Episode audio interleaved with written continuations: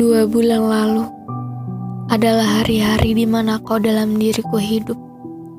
Sakit, mati, lalu hidup kembali. Pikirku, kau akan selamanya berteman dengan badanku yang getir ini. Dan nyata, kau menjadi pemegang peran penuh rasa. Menjadikanku pribadi yang lemah lembut, mudah rapuh, dan terkadang putus asa. Kerap kali aku lupa bagaimana cara meluapkan amarah, penuh dengan tangis lelah. Katamu menjadi rapuh di dunia yang penuh angkuh, bukan serta-merta suatu kesalahan. Dunia ini juga penuh keseimbangan. Bahkan ketika rapuhku sedang melepuh, kau menyuruhku percaya kepada Tuhan. Hakikatnya, Tuhan telah menyiapkan obat sayangnya untuk kubasuh.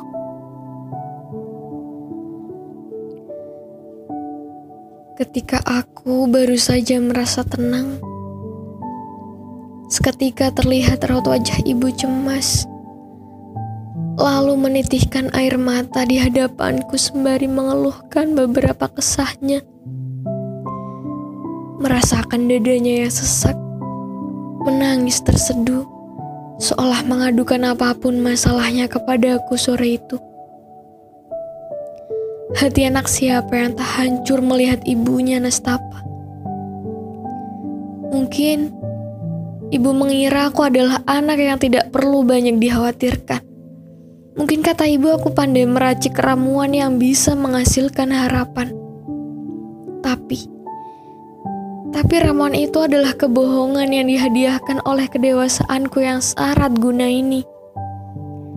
Aku diam menarik nafas panjang-panjang, menggenggam erat telapak tangan ibu, merekahkan senyuman empatiku untuk membuatnya sedikit tenang. Lalu, lalu tiba-tiba di waktu yang bersamaan kau datang, menungguku berbincang-bincang dengan ibu hingga ia merasa sedikit lebih lega. Kau berdiri menarik paksa tubuhku untuk masuk ke dalam kamar. Hingga kau hilang kendali melemparku pada dinding kamar yang dingin dan catnya yang mulai mengelupas. Kau melakukannya berulang kali dengan keras. Tubuhku lemas. Tulang belikat yang harusnya sukar patah menjadi remuk sebab benturan tanpa logika tadi. Bahkan setelah kau hilang dari mataku yang sedari tadi tertutup karena ketakutan, Aku melihat tulang pipiku memar, sebab air mata yang keluar tak kunjung surut. Aku mencoba untuk bisa menenangkan diriku dengan bersembunyi di bawah selimut pemberian ayah sewaktu ulang tahunku ke-20. Dengan memijat perlahan lengan kiriku yang sepertinya sudah mulai mati rasa, aku terus menangis bersembunyi dari apa pun yang terjadi padaku saat itu. Aku menjadi sosok ketakutan beralasan yang menolak mempunyai alasan. Dari bawah selimut aku berteriak. Aku adalah definisi bajingan. Menjadi dewasa yang nirguna, menjadi bungsu yang selamanya rapuh, menjadi diam yang kemudian bisu.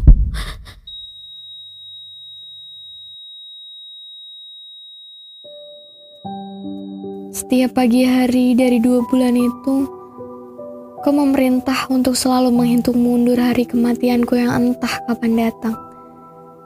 Memeluk diriku yang kedinginan di bulan November dan Desember, dan meredam rasa takutku akan dinginnya masa depan.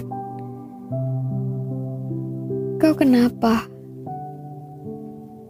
Rayuan apa lagi yang akan kau tusukkan padaku?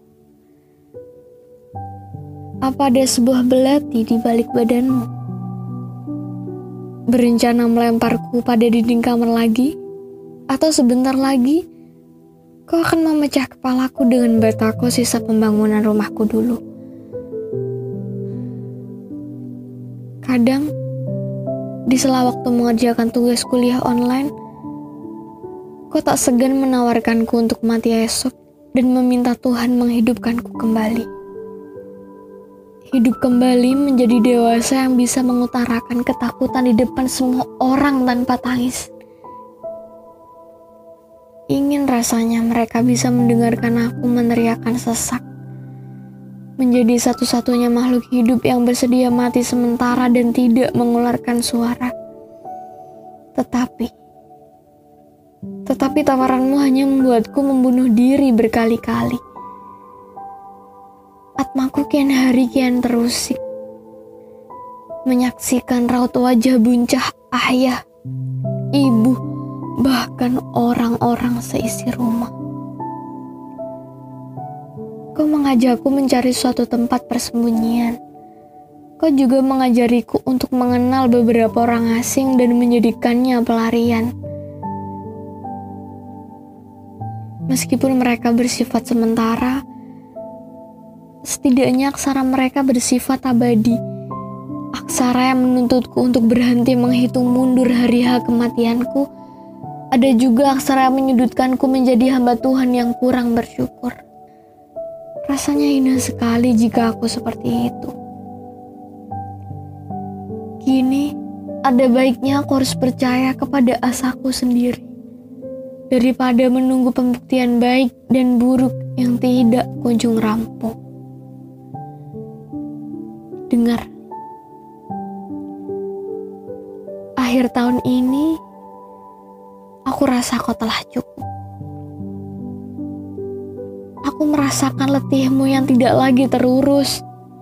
Saat yang kau terlahir kembali menjadi aksa baik dalam diriku yang sukar akan tercabut walaupun dengan paksa. Terima kasih sudah membuat tulang belikatku rusak. Setidaknya kau saat itu sedang semangat hidup yang berkobar-kobar. Mengutusku untuk menghitung hari hak kematian Ternyata kau detik itu sedang sakit. Hingga pada akhirnya kau berprasangka sakitmu akan menjemput kematian lebih awal dan selanjutnya kau ingin aku menyusulmu. Tidak. Aku memutuskan untuk berhenti melakukan hal konyol itu. Tuhan sudah menyiapkan jam pasir kematianku di atas sana. Dan aku harus percaya itu. Kau juga kan? yang menyuruhku untuk selalu memegang penuh janji Tuhan. Gini, masanya kau jeda. Hembuskan nafas lara. Melankolia, sungkawa, elegi disforia hingga depresi. Lalu jangan kau hirup kembali. Tariklah nafas baru seperti sukacita di tahun yang baru.